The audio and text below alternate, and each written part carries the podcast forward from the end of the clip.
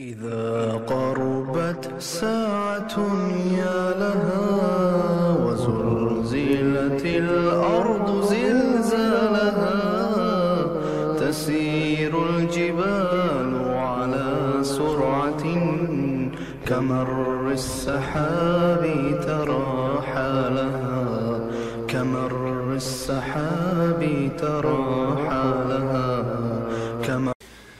الحمد لله رب العالمين والصلاة والسلام على أشرف الأنبياء والمرسلين نبينا محمد وعلى آله وصحبه أجمعين رب اشرح لي صدري ويسر لي أمري وحل العقدة من لساني يفقه قولي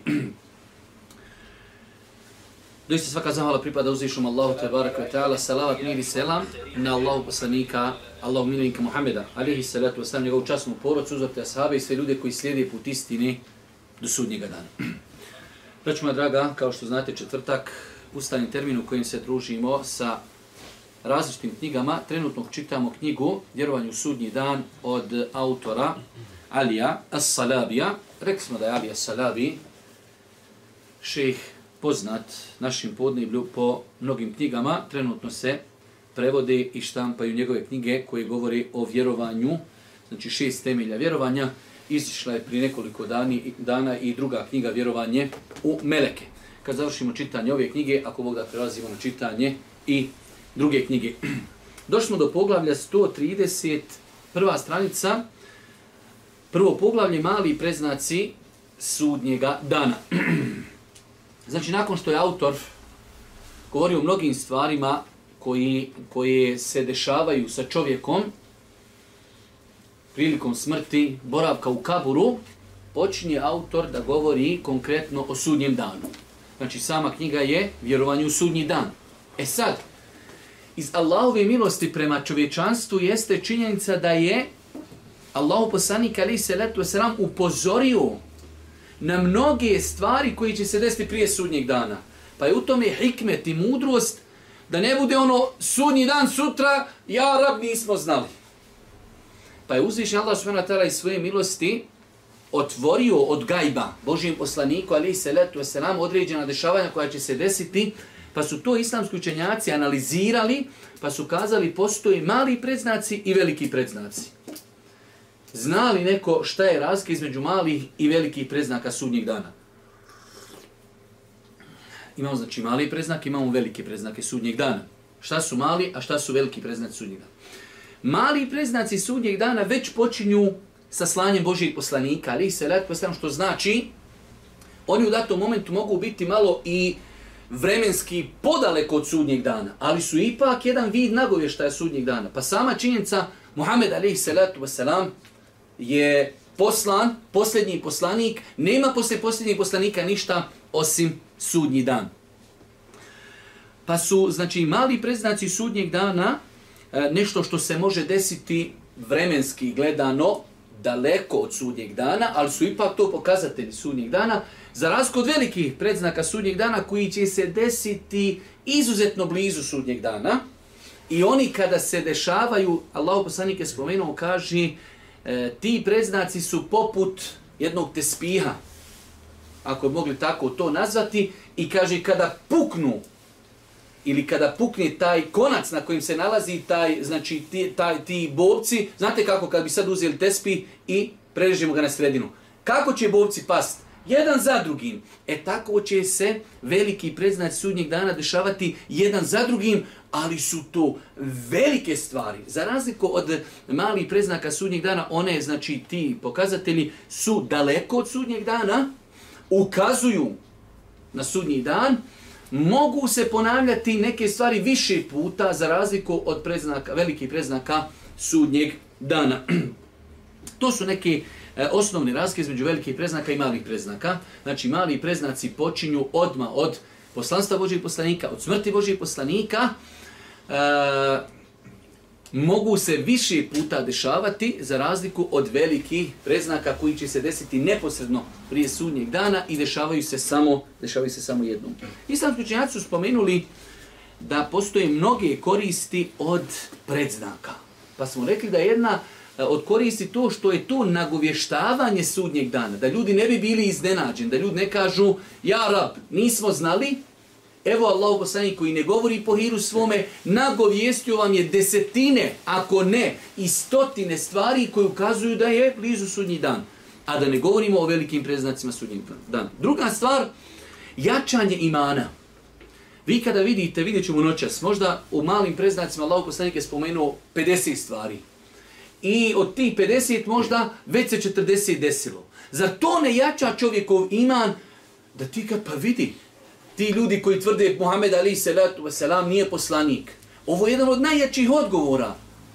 Na osnovu čega je on mogao pretpostaviti e, mnoga, e, mnoge događaje, mnoga dešavanja, mnoge pojave U tom periodu i vremenu kada nije bilo tehnologije, kada nije bilo proračuna, nije bilo ništa, Allah poslanik je nagovještavao na određene kosmičke pojave, u, o, nagovještavao određene društvene pojave. O, znači, mnoge stvari je nagovjestio i to ne može biti ništa osim potvrda njegovog poslanstva. S druge strane, to nama jača iman.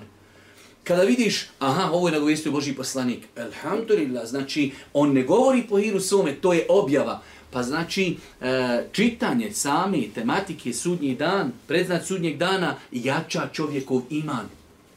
Isto tako, e, od koristi, spoznaje i predznaka sudnjeg dana jeste se čovjek nauči kako će se nositi sa određenim e, predznacima. Primjer, radi Dejjal.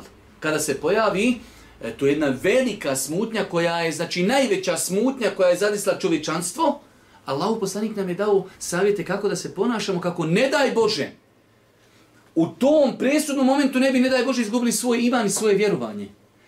Pa spoznaja predznaka sudnjeg dana podučava nas kako da se ponašamo. U vremenu smutnje kako da se ponašamo. U vremenu pojave deđala i tako dalje. Pa spoznaja, čitanje, izučavanje preznaka sudnjeg dana odgaja čovjeka da zna kako da se ponaša kada nastupi određena vremen, vremena. Primjer radi, vidjet ćemo noćas, Allah poslanik je nagovijestio kada se po, po, povuče ili e, ogoli rijeka Eufrat, brdo zlata. O, izazov. I Allah zna kada će se to desiti. Ali Boži poslanik kaže, fe la tehud min hušej, nemoj da idete to uzimat. Sutra mi čujemo, U Iraku, Eufrat, otkrio se brdo zlata. Hajmo! Ko vjeruje u Allaha, suhanu atalja, su neće ići. Jer Boži poslanik kaže, od 100 ljudi jedan će preživjeti, 99 će poginuti. Ne idite! Pa je nam bitno da znamo preznake sudnjeg dana? Spašiš svoj život, spašiš svoj iman. Gužva! Svako će sebi. Od 100, kaže 99, će biti mrtvi. Koliko su ljudi gladni, daj zlata. Treća stvar jeste da e, preznak sudnjeg dana čovjeka postiču na pokajanje i teubu. Kad čovjek vidi jedan preznak desio se, drugi desio se, treći desio se, peti desio se, sedmi desio se, dvanesti desio se, pedeseti, zar nas to šta? Ne postiče jara, blizu je sudnji dan.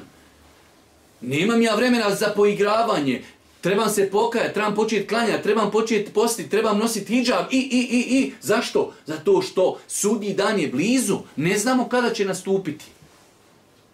Zato je došlo u vjerodostojnim hadisima da životinje svakog petka kad nastupi sabah do izlaska sunca iščekuju. Jer životinje znaju da će, da će sudnji dan biti petkom u periodu od, izlaska, od eh, pojave sabaha do izlaska sunca. Životinje kad iščekuju. Pa insan kada svati predznake, toga posjeći na, na ostavljanje grijeha, posjeći ga na pokornost. I zadnja stvar, da se u datom momentu čovjek i ne ustraši i da se i ne iznenadi. Određeni stvari će se dešavati krupne stvari. Nekada su to, da li ćemo mi doživjeti ili ne, velike su to kosmičke promjene. Sunce izišlo sa zapada. To je da, da, da čovjek u datom momentu, da kažemo, poludi. Ali to vjernika vidi sam kada, Ovo nam je poslanik na govijestju. Uopšte se ne straši. Kad vidi deđala, pa to nam je Boži poslanik na govijestju. Oživljava ljude, naređuje da kiša pada. On se ne boji. Zašto? Jer je već upoznat sa tim. U to vjeruje. Ne strahuje. On je optimističan. Zna kako da se, kako da se ponaša.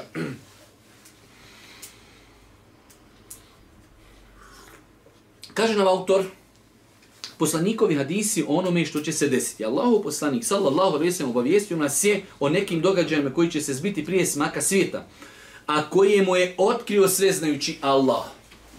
Mnogo, mnogo bitna klauzula. Ne može niko govoriti šta će se desiti sutra, ni preko strani za mjesec dana, osim na osnovu kuransko-hadijskih argumenta. Čak Boži poslanik nije znao gajb, već ono što mu otkrije i čemu ga poduči uzvišeni Allah subhanu wa ta'ala. Hadisi u kojima se govori o tim događajima dostigli su stepen mutevatir hadisa po značenju.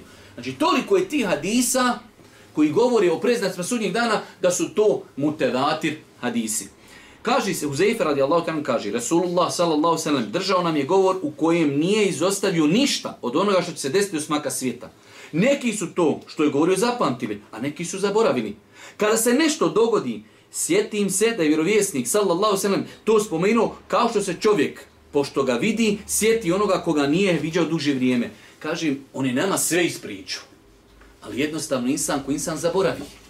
Pa kaže, kad se nešto desi, a, mi se sjetimo, kao što se zna nama desno, prije neko ti je pričao neki propis, pa kad ti zatreba propis, a, znam kad je šej to spomenuo. Pa kaže, mi se toga prisjetimo kao što se čovjek prisjeti osobe koju dugo nije vidio. Znate kako nekog vidiš, pa joj, gdje sam ga vidio? Ah, znam. E, tako smo se, kaže, mi prisjećali predznaka na koju ukazao Boži poslanik. U drugom hadisu kaže od Ebu, e, Ebu Zeid, Elen Sara Radion kaže, Allah poslanik, klanjao nam je sabah namaz, popeo se na mimber i pričao nam sve dok nije nastuplo podni. Od sabaha do podni. Nije prestajao nikakom. Tada je sišao sa Mimbera, klanjao i opet se popeo na njega, pričao nam i sve do Ikindije. Zatim je sišao i klanjao pa se ponovo popeo na njega i pričao nam sve do zalaska sunca. Obavijestio nas je onome što je bilo i onome što će biti. Najznaniji od nas jeste onaj koji je toga najviše zapamtio. Cijeli dan, od sabaha do podne, klanjao, popeo se od podne do Ikindije, klanjao, sišao ponovo na Mimber do Akšama. Cijeli dan pričao onome šta je bilo, i šta će biti. Tako da znači e, ova nauka koju možemo nazvati govor o e, preznacima sudnjeg dana i te kako je znači povezana sa lovim poslanikom Ali Selatu Selam. Kada će nastupiti sudnji dan? Rekli smo da imamo dvije informacije provjerene. Nastup će petkom, to potvrđuje jer dostojno hadisi, i nastupit će, Allah je što ono najbolje zna, u periodu e, nastupanja sabaha do pojave sunca, do izlaska sunca. Mimo toga, dan, mjesec, godina, to ne zna niko osim uzvišen. Allah subhanahu wa ta'ala imamo znači, e, kuranske ajete koji su jasni. Pitaju to je smaku svijeta kada će se zbiti, reci, to zna jedino gospodar moj. I zato kada vidite ono, neka tamo vraćarka ili kako i već zovu, kad je proračunala ona kad će biti sudnji dan. Nemoj čitat, nemoj gledat, laži, ne zna niko do uzvišeni Allah te barake wa ta'ala došlo ono vjerodostojno na disku kada je Džibril alaihi salatu wasalam pitao Božijeg poslanika Ahbirni ani sa'a, obavijesti me o sudnjem danu, kaže Mehmes ulu anha bi alam min sa'il onaj koga pitaš Muhammed najbolji poslanik najbolji rob ne zna ništa od onoga koji pita a onaj koji pita je najbolji melek sastala se dvojica najbolji iz dvije vrste Džibril najbolji melek Muhammed najbolji insan Kaži Muhammed Ali Sela, onaj koji pitaš ne zna ništa više od te, ne znaš niti ne znam nija. I zato nemoj da vas šetan, što bi rekli, za, zavede, idem pročitat neki proračun kad će nastupi sudnji dan. Ja sjećam nekad dan, tamo nekako to je mislim bilo posle rata, jedno ono ko, bilo je pomračenje sunca, ali bilo pravo dobro pomračenje, ono, baš se pomračenje, neđe baš bilo ovako oko podni. E, ljudi, a baš bilo ljeto, sjeno se kupilo. Ljudi se pripali kaj gotovo, evo ga, neće niko da kupi sjeno, sudnji dan. Ne zna niko kada će nastupiti sudnji dan osim uzvišeni Allah te barakve ta'ala. Ono što mi znamo, jeste da je sudnji dan blizu. Kada kažemo blizu, e, blizu historijski, I kada uzmite period od Adem, ali i selatu selam do Muhammeda, samo Allah zna koliko je prošlo stoljeća, koliko godina, u tom kontekstu. Evo mi živimo, znači, nakon Muhammeda ali se letu se ram često godina, ali to kada uzmete u kontekst historije, to je blizu. Zato je Boži poslanik i rekao, ja i sudnji dan smo poslani kao ova dva prsta. Pa je znači sudnji dan generalno gledajući blizu. Ali može se to, Allah najbolji zna, u današnjeg dana produšiti još možda neki 100 godina. Ali 100 godina za historiju nije ništa mnogo. Zato Allah Žešanu kaže Inne umjeravne u ba'ida, one lahu kariba. Oni to smatraju, hej, kad će sudnji dan? A mi, kaže, smatramo da je to izuzetno blizu. I više je kuranske ajeta koji to potvrđuju, a i sami hadis da Allah poslanika ali se letu sramnog ovijestio da je sudnji dan generalno gledajući blizu. Dobro. Nakon toga kaže nam autor, mali predznak sudnjeg dana, 135. stranica. Ono što je bitno znati za, e, generalno za predznake sudnjeg dana, pogotovo za mali predznake sudnjeg dana, jeste da nisu svi predznaci haram. Ovo je dobro da zapamtite večeras. Nisu svi, kad ti kaže to je predznak sudnjeg dana, to ne znači da čovjek radi haram da li je zbližavanje pijaca, kao što je došlo uh, znači, uh, u vjerodostinu hadisu, da li to znači da, su, da je zbližavanje pijaca haram? Da li pojava mnoštva pisanja, da li to znači da je to haram? Da li to što će se povećati broj žena nad muškarcima znači da je to haram? To su pojave o kojima je Boži poslanik govorio i nagovijestio kao pokazatelji da dosta tih predznaka, možda ako mogli staviti procentualno, možda 60, 70, pa i 80% su zabranjene stvari koji ukazuju na pojavu sudnjeg dana. Ali nekada su to historijske činjenice. Boži poslanik kaže, e, prije sudnjeg dana će muslimani osvojiti Konstantinopolj, Istanbul. Prije sudnjeg dana će muslimani osvojiti, osvojiti Britul Maktis, Kuc. To su historijske činjenice, ne, ne vezuju se za halal ili haram. Pa morate paziti, jer nekad ljudi kaže, tu je preznak sudnjeg dana. Dobro, priznam sunju, ali nije haram. Ali mnoge stvari, mnoge stvari jesu. Pa nam kaže še Hafizahullah, islamski sučenjaci je zmatali preznake e, smaka svijeta. Poštovani čitavče, evo, donosimo ti ovdje najvažnije male preznake smaka svijeta koji su spomenuti u poznanim hadisima. Znači, prva stvar i preznaci sudnjeg dana, to je gajb. Da bi za određenu stvar kazali da je preznak sudnjeg dana mora taj hadis biti, ako je hadis, jer odostojan, E, znači mora biti vjerodostojan svakako određene stvari kao preznake sudnjeg dana potvrđuje i Kur'an iako je velika većina stvari koje govori o preznacima sudnjeg dana su potvrđene hadisima Allahu poslanika ali se tu se nam znači imamo male predznake i rekli smo da se mogu p, e, vremenski pojaviti mnogo prije sudnjeg dana ali one ukazuju to su ako bi mogli gledati ko neke manje lampice A imamo velike preznake sudnjeg dana koji će se pojaviti neposredno pred sudnji dan i jedna za drugom će se brzo dešavati. Isto tako, e, velik broj i malih, a i velike preznaka nisu, ne postoji neki redoslijed. Ulema pokušava da nekako ih poreda, ali mnoge stvari, mnoge stvari, mnoge stvari je nemoguće precizirati koja se dešava prije, koji. Isto tako, mora insan biti veoma pažljiv E, kada govori da je određena stvar preznak sudnjeg dana, evo sad primjer radi e, određena stvar, mi kažemo to je sad.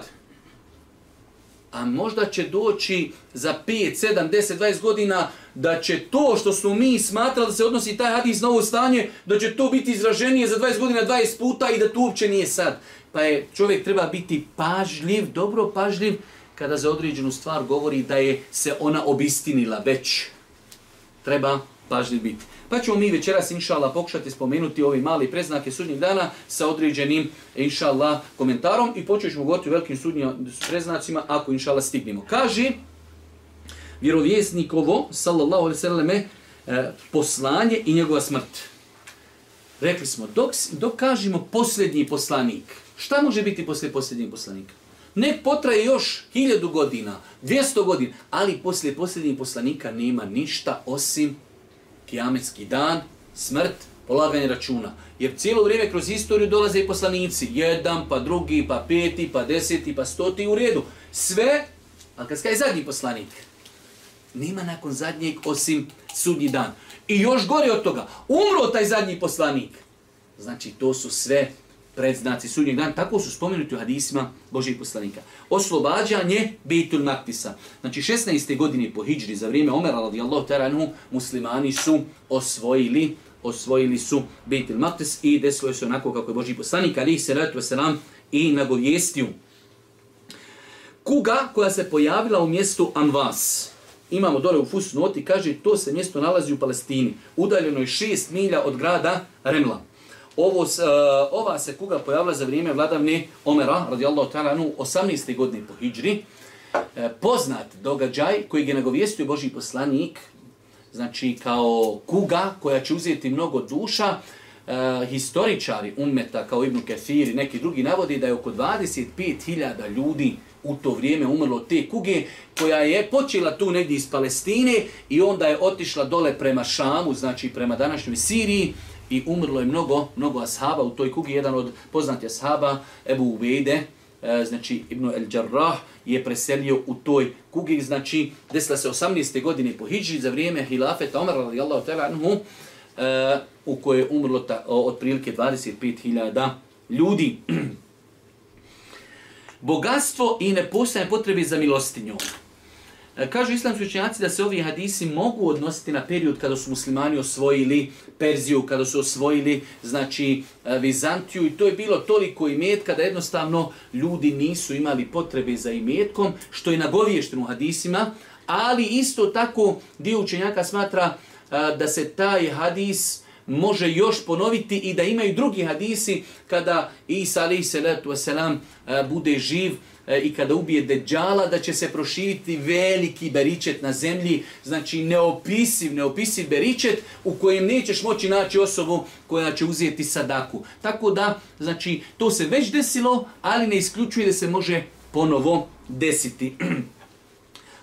Pojava smutnji. Pa nam je ovdje uh, autor spomenuo nekoliko smutnji, uh, smutnje koje dolazi sa istoka, otuda od pravca Irana. Uh, ubistvo halife Osmana radijallahu ta'anhu, bitka oko Devi, bitka na Sifinu, pojava Haridžija, bitka između stanovnika Medine i vojske jezida e, Ibn Ebu Sufjana, koja se zbila 63. godine po Hidži. Sve su to neke smutnje koji su zadesile prve generacije umeta, gdje je Boži poslanik nagovijestio velike, velike smutnje, ali to isto ne isključuje pojavu vremena smutnje i nakon ovog vremena gdje mi evo i danas dan vidimo da jednostavno svakim danom e, smutnje, kada kažemo smutnje, situaciju u kojima je se čovjeku teško snaći. Veoma se teško čovjeku snaći i danas dan vidite neke situacije, čovjek više ne zna gdje bi, lijevo ili desno e, i tako dalje. Tako da, Boži poslanik je nagovijestio velike smutnje za umet. Mnoge su se desile, a Allah Žešanu najbolji zna, mnogo toga će se dešavati još. Slijedženje običaja priješnjih naroda.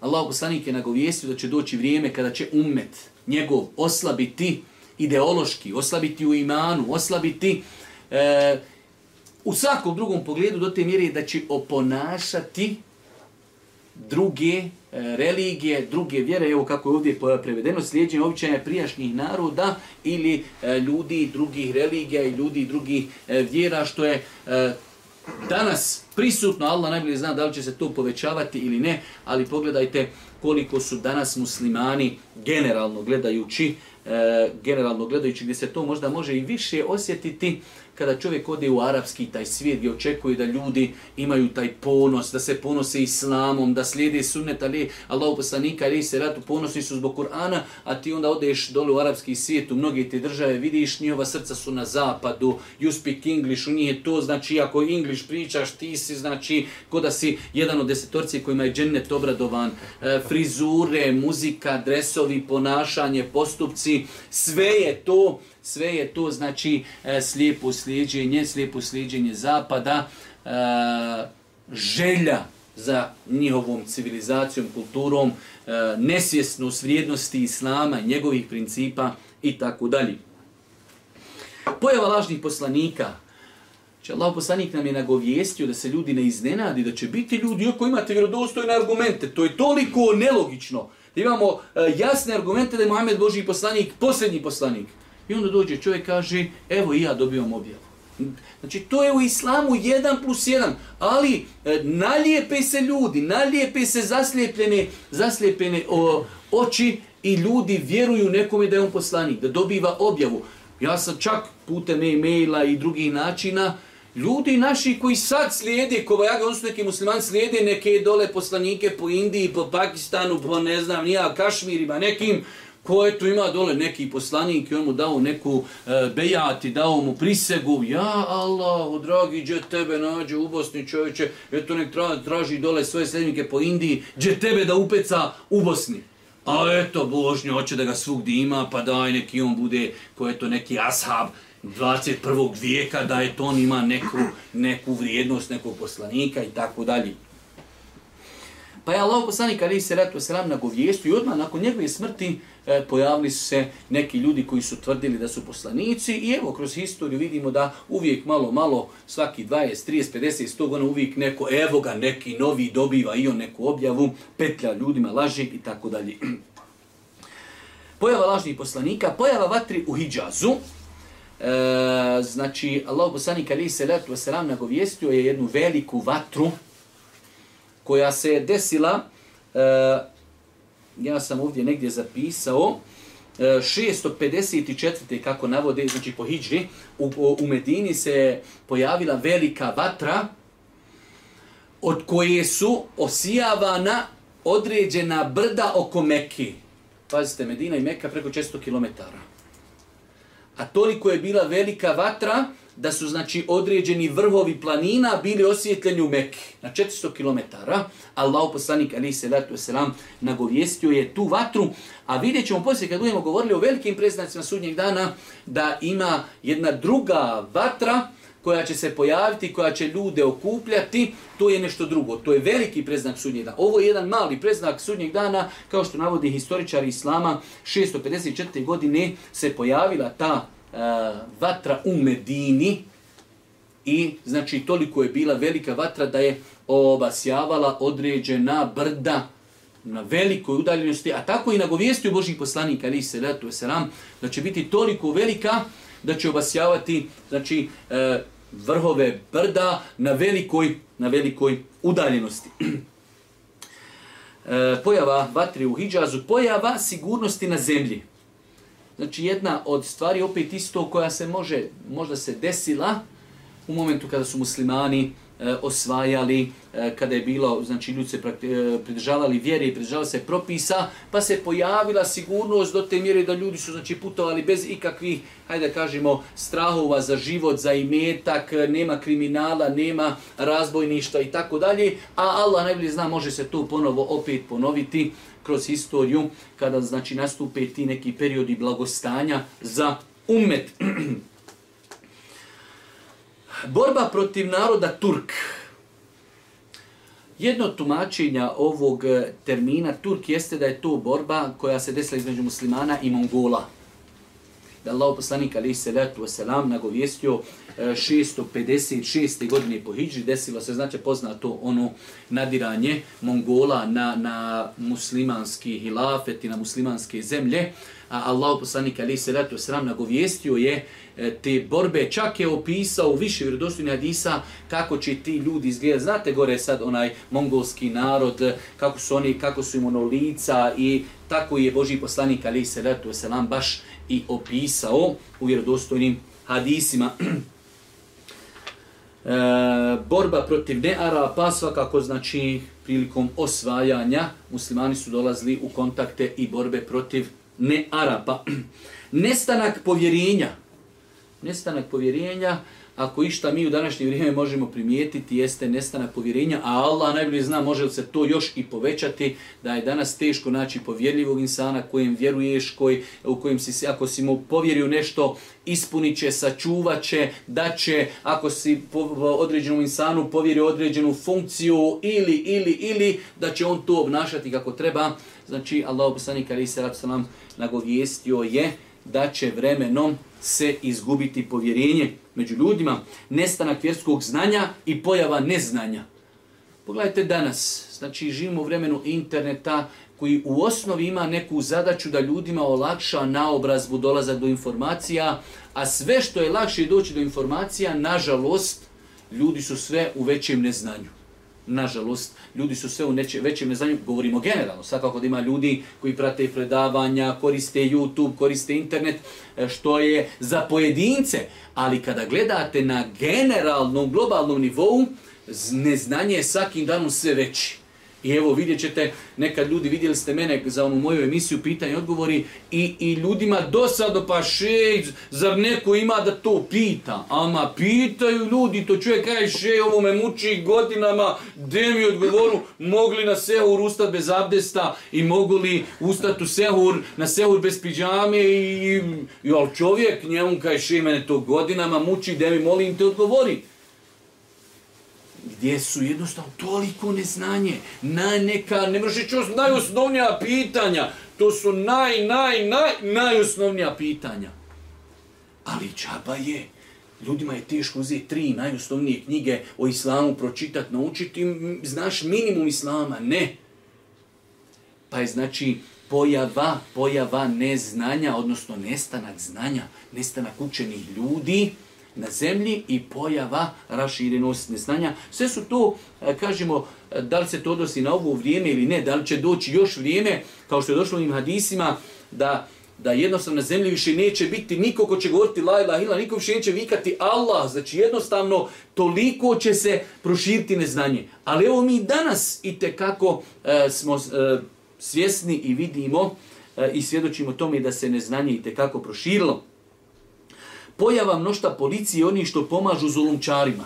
Ha, brate moj dragi, na svakom koraku imate nepravedne e, vladare i onda to su stotine i hiljade, pa nekad i možda stotine hiljada neki ljudi koji su regretovani, koji su regrutovani, dobivaju plate, da štite tog nekom zulumčara, štite njegove poglede, štite njegove vizije, mlate narod, zatvaraju narod, rastiravaju demonstrante i tako dalje. To je Allah poslanik Ali se letu se nam nagovijestio prije 1400 godina, a Allah zna šta može biti još u, u budućnosti. Rasprostanjenost nemorala. morala. Pazite, vidite koliko stvari različitih Božih poslanike na govijem. Sad da kažemo, evo ono po nekoj tobe jarab, da čovjek kaže, pa on je to nešto skonto sračuno, hajde evo u nekom pravi da je govorio samo o moralu. Pa a, doće vrijeme i to i to. Ali Boži poslanik govori o historijskim činjicama, govori o e, kosmičkim pojavama, govori o moralnim pojavama, govori o društvenim pojavama, o toliko različitih stvari koje ne možeš potumašiti osim šta? Šta? da je to vahj, da je to objava, da je to gajb koji mu je Allah Đelešanu dao i podučio ga tomi. Rasprostane s nemorala.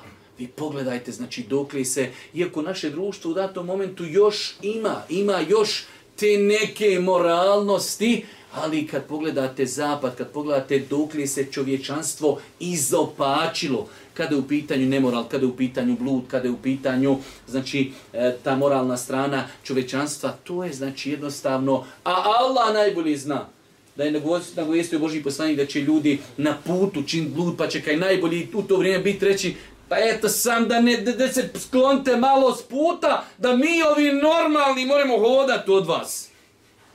Men to ima počina ne naše kad sjedi na tramvajskim, trojevskim stanicama pa se počnu ljubiti kao evo Lafon, Niko, Sarajevo se ne zna poljubiti. Evo mi da vam pokažemo kako se ljubi neko na trolejbuskoj stanci. Rasprostranju s poslovanja uz kamatu.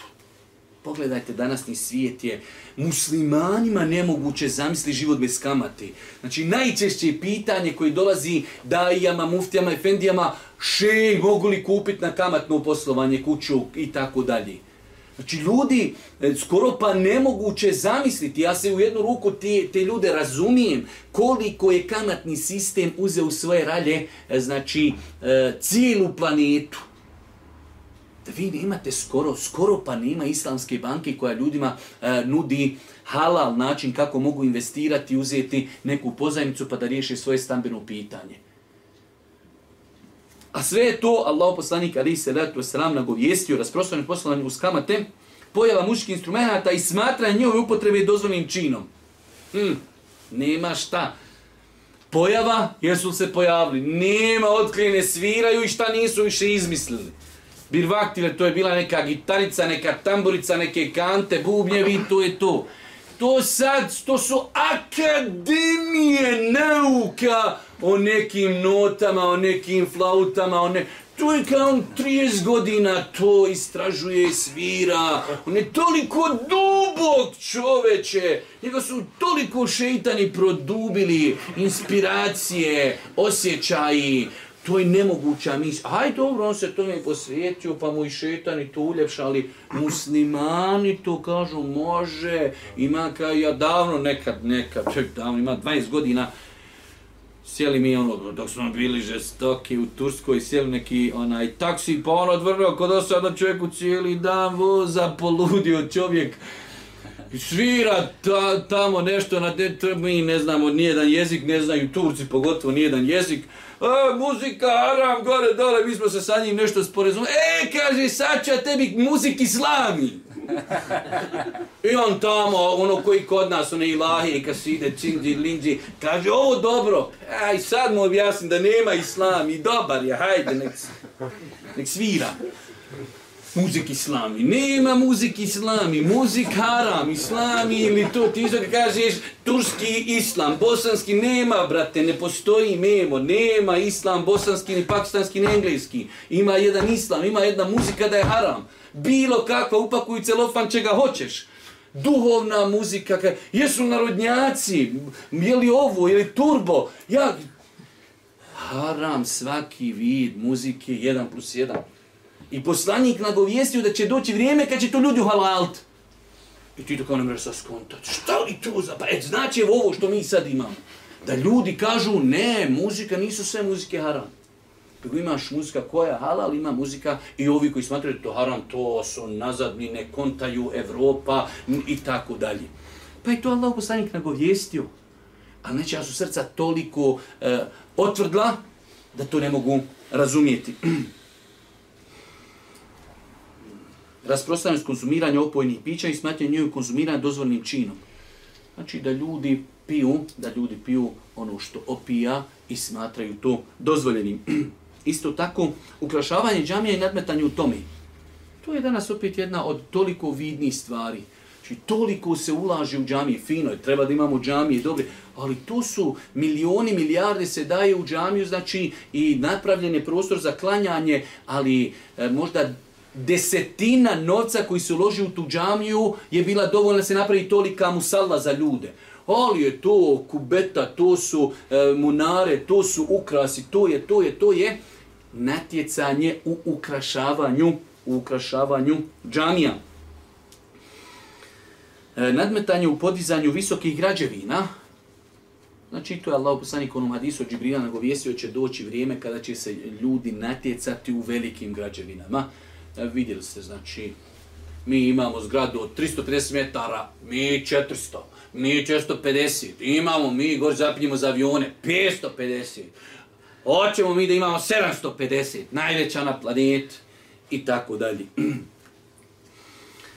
E, nadmetanje u podizanju visokih građina, počinjenost vlasnici svoje robinje, to je malo, ima oko toga, oko satanja, toga različitih satanja, mnoštvo ubistava. Pogledajte, evo danas u vremenu u kojem živimo, a Allah zna šta će doći. Ali pogledajte vi, evo sad, ja ne vjerujem stvarno, ali ljudi kažu da je za sedam dana invazije e, znači na, na Ukrajinu poginulo 9000 ljudi, vojske. Znate li što znači 9000 ljudi? Zamislite vi, u 9 dana, u 7 dana pogine 9000 ljudi. Znači, ljudi su posta... Pa to čovječe ovako ne zakolje 9000 koka za, za toliko dana. Da podmiruje po Balkana sa paštetama i sa, i sa, sa, sa, sa lamama, čovječe. 9000 ljudi. A na broj ljudi su postali cifre, brojevi, ništa, samo... Danas ono 650. Ja, Allah, 650 duša ošlo čovječe. To ko da su kokoši, to ko da su ribe u ribnjaku, to ko da su auta, ko ne znaš da auto dijelovi, motori, turbine, pa insan čoveče, živi čovjek, Allahov rob. Ništa, ljudski život više ne vrijedi ništa. A to je Allah poslanik tako vijestio, da će doći vremena kada će se rasprosen biti ubijstva. Ne zna onaj što ubija, zašto ubija. Niti onaj što ubijen, zašto je ubijen. Idi dole, koga sretniš, rokaj. Sam udri. Ovo je dole, hoda. ljudi, šta sam kriv? Nisi kriv, ništa. Kriv što je meni rekao šef da te ubijem. I to završena stvar. Šta je, ba, ne imam pojma. Smetaš. Ne znaju ljudi zašto ubijaju, niti znaju ovi što su ubijeni, zašto su ubijeni brz prolazak vremena. Neki islamski učenjaci su kazali da, da se time misli da nema beričeta u vremenu. I zaista vi ćete vidjeti ko imalo pazi na svoje vrijeme da danas nemaš beričeta u vremenu e, nikako. Tako mi je Allah nekad, znači klanjaš džumu, to je sad postao neki orijentir džuma. Klanjaš džumu, kada je sutra džuma? Pa džuma sutra, danas četvrta. Pa juče je bila džuma. Sedam dana prođe, znači, što bi rekli ovako. Da ne govorim od namaza do namaza. Klanjaš podne, viš kopče, e, uče, ja sam za ikindiju. Ja, pa čuj, gdje sam bio tri sata od podne? Niđe.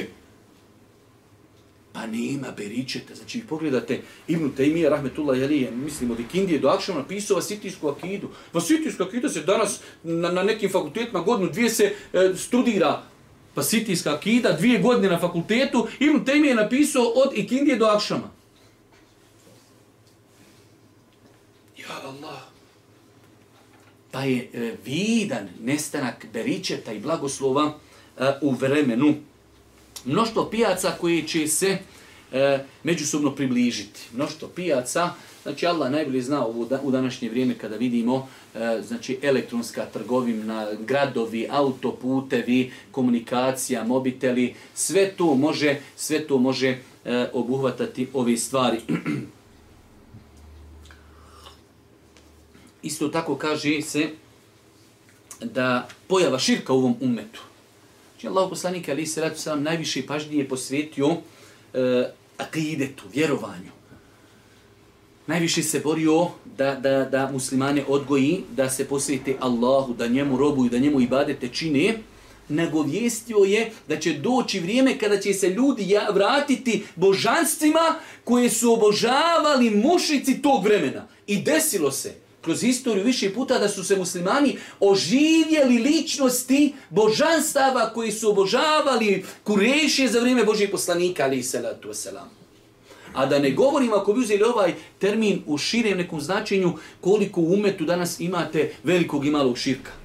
Mnogo, ali baš mnogo dijela koja čovjeka izvodi iz vjeri kako malog, tako i velikog širka, što je svakako opet uh, znači e, potvrda istinitosti riječi Božijeg poslanika, ali se da to sam s toga e, i mi govorimo, evo što, šta je razlog što ove knjige čitamo, najveća obaveza čovjeku vjerniku jeste podučavanje, da se poduči ispravnom vjerovanju. Naj, nažalost, mi počnemo nekad učiti vjeru od sitnica, od mekruha, od e, dizanja ruku u namazu, od bradi, od nogavica i ne znam nije od nekih stvari, a ne znamo vjerovanje, ne znamo akidu. Pa je najveća obaveza vjerniku čovjeku da se poduči ispravnom vjerovanju. Pojava, pojava razvrata, govorili smo, nemoral razvrat, otprilike to je slično, kidanje rodbinskih veza i nedoločno ponašanje prema komšijama. Kidanje rodbinskih veza, evo pogledajte samo e, koliko se uzmite e, paralelu između naših roditelja. Nisu to velike razlike, znači 30 godina, 40 godina, u 80. godinama koliko se više pažnje posvećivalo rodbini. Sjećamo se mi svi, tetka dođe po dva, tri dana, ostane, dođe dedo, ostane dva, tri dana, mi odemo kod nanije po heptu dana. Kad si danas čuo da je neko nekom na konak došao? Pa to, to je nepoznata jedinca, mi je ču došao na konak. To ne postoji više. To ako ti dođe, bolan, prija ljudi dođu po heftu dana obilazilo se, pazilo, pogotovo kad su u pitanju te neke da ih nazovemo, znate kako je bilo, umro, nakon šest mjeseca je došao, objedinio i što ti umro dedo i oženio se ovaj sve donese jednu kozu kesolon, sve ima neku obavu da treba doći, da treba obići, izraziti saučešće i što mu je umro i što je se oženio i što je izgradio kuću i koju ne mora jednih sve do... I evo ti ova jedna kesa, to je sve i završeno. Ali došao, obišao, pazi, čuva obraz, danas, znači, čak, evo da kažeš, neka najbliža rodbina, kod nas, govorim u Bosni, možda dole u Sanđaku malo još više pazi da je Allah nagradi, ali kod nas, najbliža rodbina, evo, ko je najbliža rodbina? Brat, sestra, Amidža, Dajđa, tetka, eto, to je taj neki najuži krug. Dedo, nane, kad si zadnji put bio kod tetke, kad zadnji put bio kod Dajđe, kad zadnji put bio kod Amidže i tako dalje. Pa je Allah poslanik ali se vratu selam nagovijestio dolazak takvih vremena. Pokušaj starca da izgleda mladoliko. Ovo je onako poprilično, hajde kajmo, nejasna konstatacija. Radi se da je Allah poslanik nagovijestio, kaže, doći će u mom narodu ljudi koji će se farbati u crno. Pa je to, znači odnosi se da ljudi jednostavno pokušaće, evo možemo mi možda protumač na svoj način da čovjek ostario daj zategni ga, zategni mu, znači bore, e, napuši ga, ispuši ga, gore, dole, tamo, vam šta sve radi ljudi da bi izgledali, da bi izgledali mlađi, ali u to vrijeme to je Boži poslanik, e, E, spomenuo u kontekstu da čovjek sjedo, sjedio, on se ofarba crn, ti odmah vratiš 20 godina nazad. Bio 55 godina, sjedio, on tam, mam, ofarbo se, a vidi momka čoveče, on se zače što on bi se i ženio. Pa je to jedan od pokazatelja blizine sudnjeg dana. Rasprostranjenost škrtosti, rasprostranjenost trgovini. Pogledajte, zaista na svjetskoj sceni, E, koliko se trgovina proširila. Znači, sva trguje, sa svačim se trguje, e, ne govorimo mi uopšte u negativnom kontekstu, ali generalno gledajući, znači, pojava mnoštva trgovina. Čak je došlo u jednom rivajetu, kada Allah poslani kaže Hatta ta'inu l'mar'atu zauđaha fit tijara. Kaj toliko će se trgovina rasprostraniti da će žena svom mužu pomagati u trgovini. Znači, prvo osnova je da tu žena ne radi ali kaže, to će toliko narod zint, I čovjek ne može se ženo upadaj vamo i ti u mašinu, i ti radi trgu i vodi papire, vodi evidenciju, ne meremo stić više. Toliko mašina brzo, brzo radi. Učestali potresi, Allah najbolje zna kako će biti stanje, ali sad kad uzmijete e, statistiku, e, sadašnji broj zemljotresa na planeti u odnosu na 20 godina prije, to ćete vidjeti da su možda e, tri puta više se povećao broj zemljotresa na planeti od onoga što je bilo prije 20 godina. Tako da e, statistički gledano broj zemljotresa se apsolutno i tekako povećava. Pojava utjerivanje u zemlju, pretvaranje u druge likove i padanje kamenja s neba, nestanak dobrih ljudi, isticanje bezvrijednih osoba, isticanje, davanje, kažu islam svoje, davanje funkcije osobama koji to ne zaslužuju. Autoritetu su oni koji ne vrijedi. Ističu se osobe koje ne vrijede, ali su se, a to vidite li vi to danas, ko je uzor omladini, koga su kamere napuhale i tako dalje, nestanak dobri ljudi, odlaze moralni ljudi, odlazi ulema, odlaze pobožnjaci, za njih se ne zna, a od ti neki ljudi se pravi svjetske ličnosti. Pogledajte, sve je tu na govijestju Allahu poslanik, ali se letu selam. Nazivanje selama samo poznatim osobama, u smislu onoga koga poznaješ. Čovjek prolazi ono, ako te znam selam alikum, ne znam, šuti. To je e, pokazatelj e, blizine sudnjeg dana. Traganjem za vjerskim znanjem kod manje učenih ljudi. To je tako prevedeno. Iako, iako znači hadisi o tome, e, hadisi o tome e, se mogu satiti, e, odnosno islamski učenjaci su i tako protumačili da se znanje traži kod onoga ko nije kompetentan, kod oni koji pozivaju novotarijama, kod oni koji pozivaju ilmu i znanju koji ne, nije zasnovan na objavi, na objavi Kur'ana i sunneta, ali generalno kao pojava da se znanje uzima od onih koji nisu kompetentni. Pojava žina koji su pokrivene, a otkrivene. Ima li toga danas? Allah najbolje zna, ali žena kaže ja se pokrila. Šta sad? Ima žena koja je otkrivena, više je pokrivena nego ova pokrivena. Ali je po, sad je postao pojam pokrivena žena nosi mahram. To je pojam pokrivene ženi. Ona dole nosi helanke, e, utegnuta, našminka, na vire uši, ušnjaci, viri vrat, vire ruke, ali stavila manka ja se pokrila. I kad hoće klanja, kaj čekaj, daj da se pokrijem. Pa šta se pokrit, tak se pokrivena. Pa trebam se pokrit. Prozirna odjeća, uska odjeća, tjesna odjeća i tako imate žena koji ne nosi mahramu, nosi e, kaput, nosi jaknu, nosi kapu čoveče, nosi dole suknju, u datom momentu vjeruj, bolje se nosi, osim te mahrame od neke žene koja je pokrivena. Ali ova, kaže, pokrivena, ova je, ova je otkrivena. Pa je Allah poslanik Ali se ratu se nam nagovijestio takve pojave. Obisti njenje sna koji usnije vjernik. E, Allah poslanik je nagovijestio, kaže, snovi vjernika u kraju, znači predsudnji dan, skoro pa neće fulat. Ali u lema se razilazi kada je to vrijeme. Jedan dio učenjaka je kazao da se to samo odnosi na vrijeme kada Isa, ali Isa, to je sram, dođi na zemlju. Generalno, današnje vrijeme je vrijeme snova. Znači, ljudi su danas toliko opterećeni snovima, to je nemoguća misija.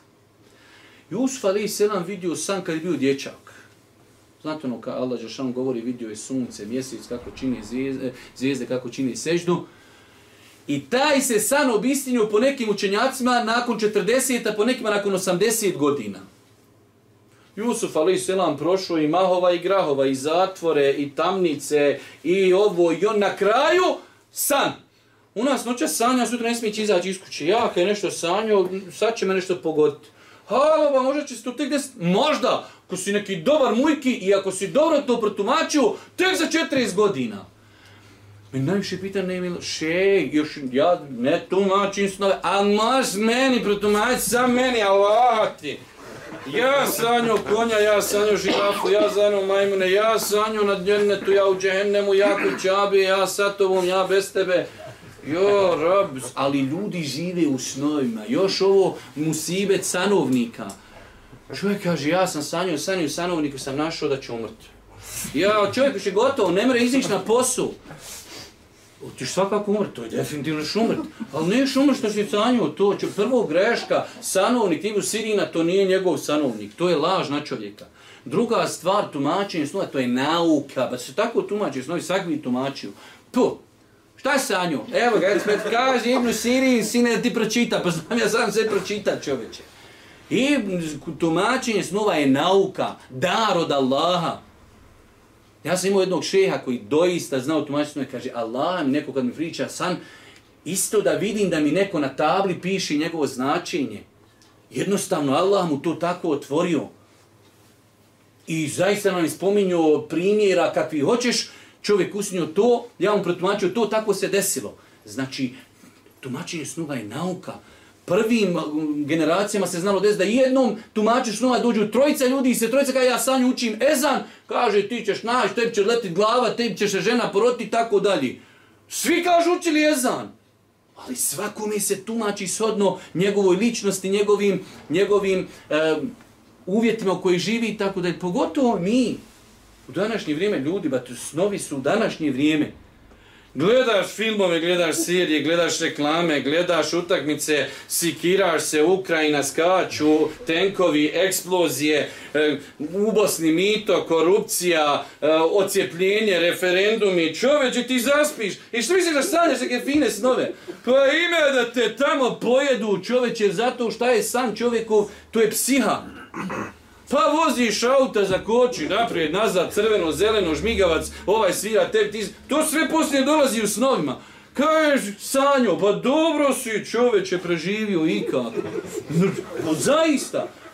To su reklame, to su filmovi, ti pregledaš film, čeče ti se trezaš posle filma ko, ko, ko razumiješ Allah da se ti tamo sa njima ganju. I legneš posle spavat. Kaže, ganjalo me usnu. Pa, ja te neće ganjat, čoveče. Kad trese nogom, pa dobar si, čoveče. Zaista, ljudi su se toliko vezivali za snove, a toliko je faktora koji utječu i to, to je snovi mu'mina, vjernika.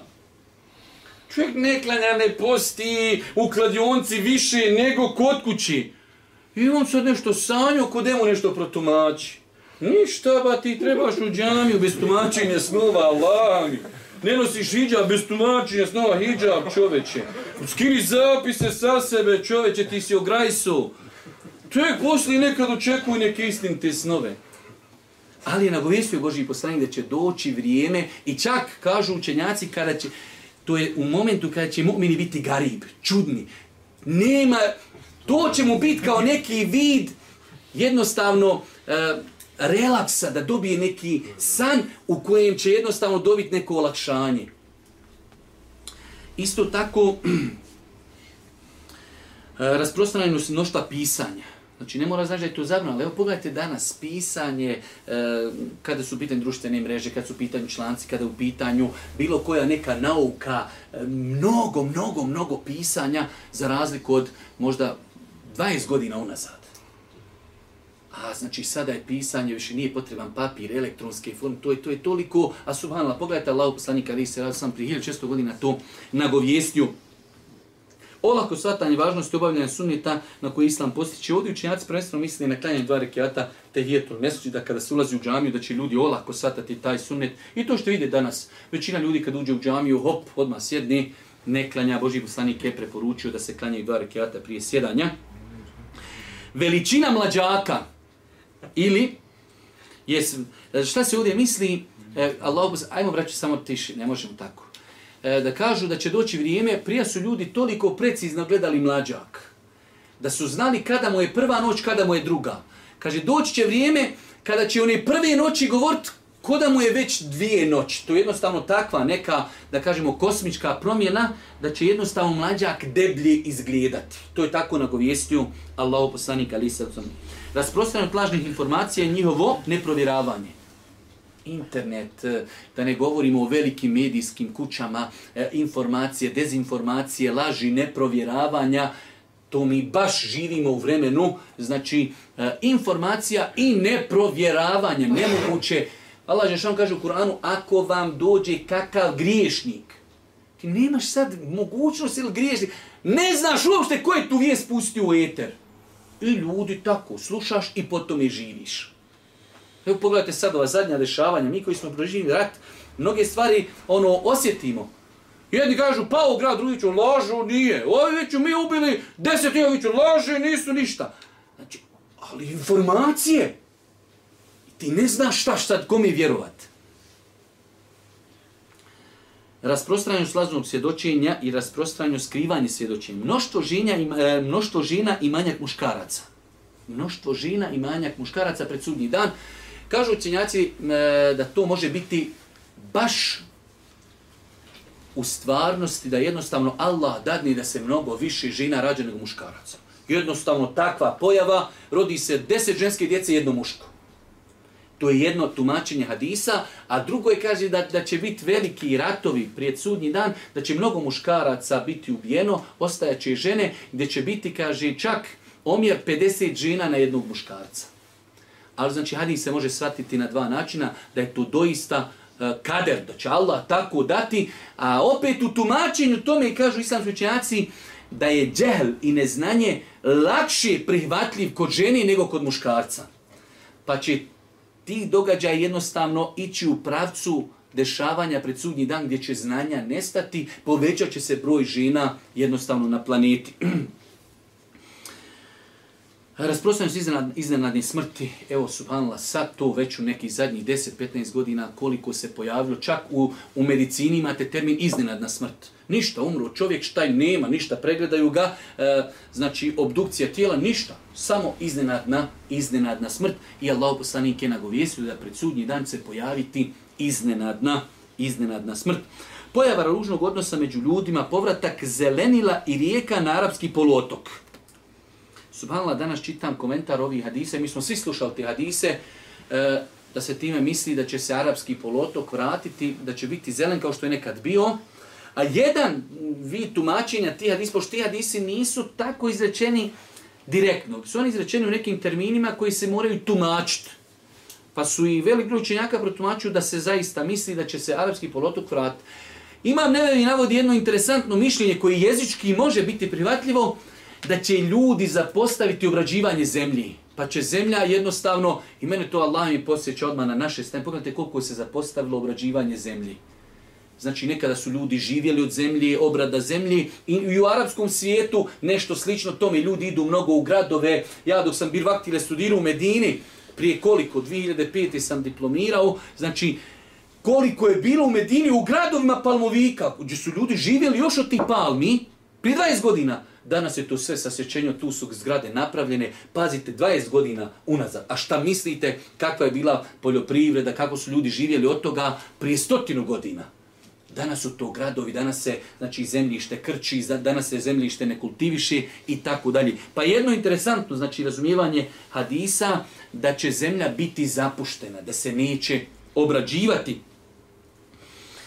Mnogo kiša, a manjak bilja, pojava brda od zlata u koritu rijeke Eufra. To tu mi smo govorili da je Allah poslanik ali se ratu sram nagovijestio e, da će se povući rijeka Eufrat i da će ogoliti brdo zlata. Pa je došlo da je doslovno na disima zabrana da se ne ide i došlo je da će od, de, od 100 ljudi 99 biti ubijeni trčeći za tim zlatom. Neko je pokušao da, da to protumači kao pojava nafti, što je apsolutno neispravno tumačenje, zlato mi u to muslimani vjerujemo i samo Allah zna kada će se desiti taj moment da će Eufrat ogoliti brdo zlata. Razgovaranje sa životinjama i mrtvom materijom. Došlo je čak u Irdosu na Disna da je Allah poslanik kazao, kaže, čovjek kada se vrati kući, njegove nanule i cipele i njegov bić kazivat će mu šta će, šta je njegova poroca radila u njegovom odsustvu. Kao preznak sudnjeg dana da će mrtva materija početi govoriti. Želje, željenje smrti usled teških iskušenja, znači doći će ljudi u teška iskušenja, što Allah najbolje zna, bilo kroz historiju i biva sad u historiji i bit će da ljudi jednostavno budu toliko, pogledajte sad, Allah najbolje zna, ali šta su prolazila naša braća u Siriji, kakva iskušenja, braća u Iraku, braća u Jemenu, braća u Burmi i tim e, zemljama. Znači, Allah samo zna kakva ljudi iskušenja imaju, gdje kaže se u vjadizma, će doći, znači čovjek kad prođe pored kabura reći, ja rab, da sam ja bogdom u zemlji, on otišao sa imanom, umro, tolika će ljudi imati iskušenja. No što e, Bizantinaca e, i njihova borba protiv muslimana, Allah poslanik je nagovjestio, da će biti e, velike borbe između muslimana i nemuslimana pred sudnji dan. Oslobođenje Konstantinopola. E ovdje želim da vam spomenu jednu stvar. Vi znate, dosta puta ono, po hudbama i po predavama čujemo e, da se da je Boži poslanik nagovijestio i pohvalio osvajača Istanbula. Prva stvar, e, hadis u kojem baš se pohvaljuje emir vojske koja će osvojiti Istanbul, postoji jako razilaženje kod njega. Znači, še Albani za njega kaže da je daif. Tako ako je daif, ne pričamo dalje. Po stavu da je hadis sahih, u kontekstu taj hadis nikako se ne odnosi na vrijeme osvajanja Istanbula borbom. Boži poslanik je spomenuo osvajanje e, Istanbula pred sudnji dan koji će biti osvojeno bez borbi. I u tom kontekstu dolazi ta povala tako da e, velik broj učenjaka, učenjaka. Pazite, mi imamo problem što mi kad nešto zaintačimo, ono sad ovo ispadne rušenje historije, mi ne priznajemo osvaljanje, tako mi govorimo samo kroz činjenice e, nauke hadijske. Da li će to neko privat ili neće, to nas uopšte ne interesuje. Znači, e, nemamo nikakvo negativno mišljenje o Muhammedu ili Mehmedu ili Fatihu i tako dalje, već govorimo samo o e, neispravnosti olakog svatanja se tako na nekoga određeni hadisi odnosi. Tako da prvo stvar, prva stvar hadisi u kojima se hvali onaj ko svaja, e, znači Istanbul ili Konstantinopol, e, kako se u to vrijeme zvao, velik ljučenjaka kažu za te hadisa su daif. Ali oni koji kažu da je sahih, to se odnosi na osvajanje Istanbula bez borbe koji će biti pred sudnji dan. Tako da, to je to. Borba protiv jevreja, znate da je Allah poslanik Ali se ratu sram nagovijestio pred sudnji dan, e, veliku borbu između muslimana i jevreja. E, muslimani će biti vojska Isa, alihi salatu wasalam, e, a, a židovi će biti vojska Dejjalova. Izbacivanje loših ljudi iz Medine, rušenje i pustoš Medine. Subhanom. Došlo je u hadisima, e, da kaže Allahu poslanik, tako mi Allaha ljudi će ostaviti Medinu. Kaže 40 godina u jednom rivajetu, 40 godina će biti pusta, ostavit će je lil awafi. Pa su rekli šta je awafi, kaže pticama i divljim zvijerima. Da će doći vrijeme kada će ljudi napustiti život u Medini. Isto tako, uh,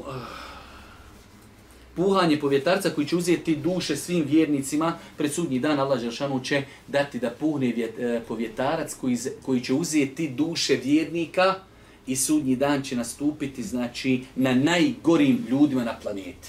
Znači onaj koji ima ne bilo kakav iman i što bi rekao najniži dio imana, umrijeće i sudnji dan će nastupiti na najgorim ljudima i na kraju kaže skrnavljenje harem šerifa i rušenje keabi. Znači, vjerodostojni hadisma Boži poslanik Ali Seratu Selam je nagovjestio da će čovjek iz Abesinije doći, opisao je njegov opis u kojem je kazao da će doći i krampom, nekom će srušiti kjabu i uzeti njeno blago. Vidite li ste vi danas na, na kjabi sam ogrtač koliko košta, zlatna su vrata i tako dalje i druge dragocijenosti, da će doći vrijeme kada će čovjek iz Abesinije doći i srušiti kjabu kamen po kamen, da neće biti niko od muslimana da mu se u svemu tome isprotivi.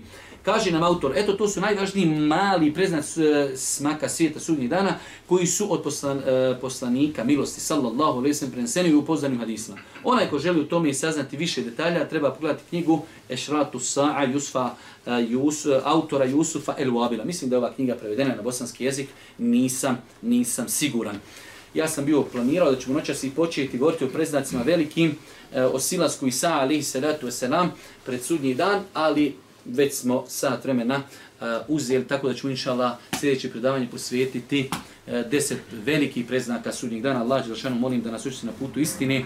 Molim ga Subhanu Atala da nam podari korisno znanje i da nam naš iman ojača čitajući i vjerujući u uh, i velike i male preznake sudnjeg dana. Subhani kallamu da bihamdike, šedven da ilan stafiruke, o etubu ilik.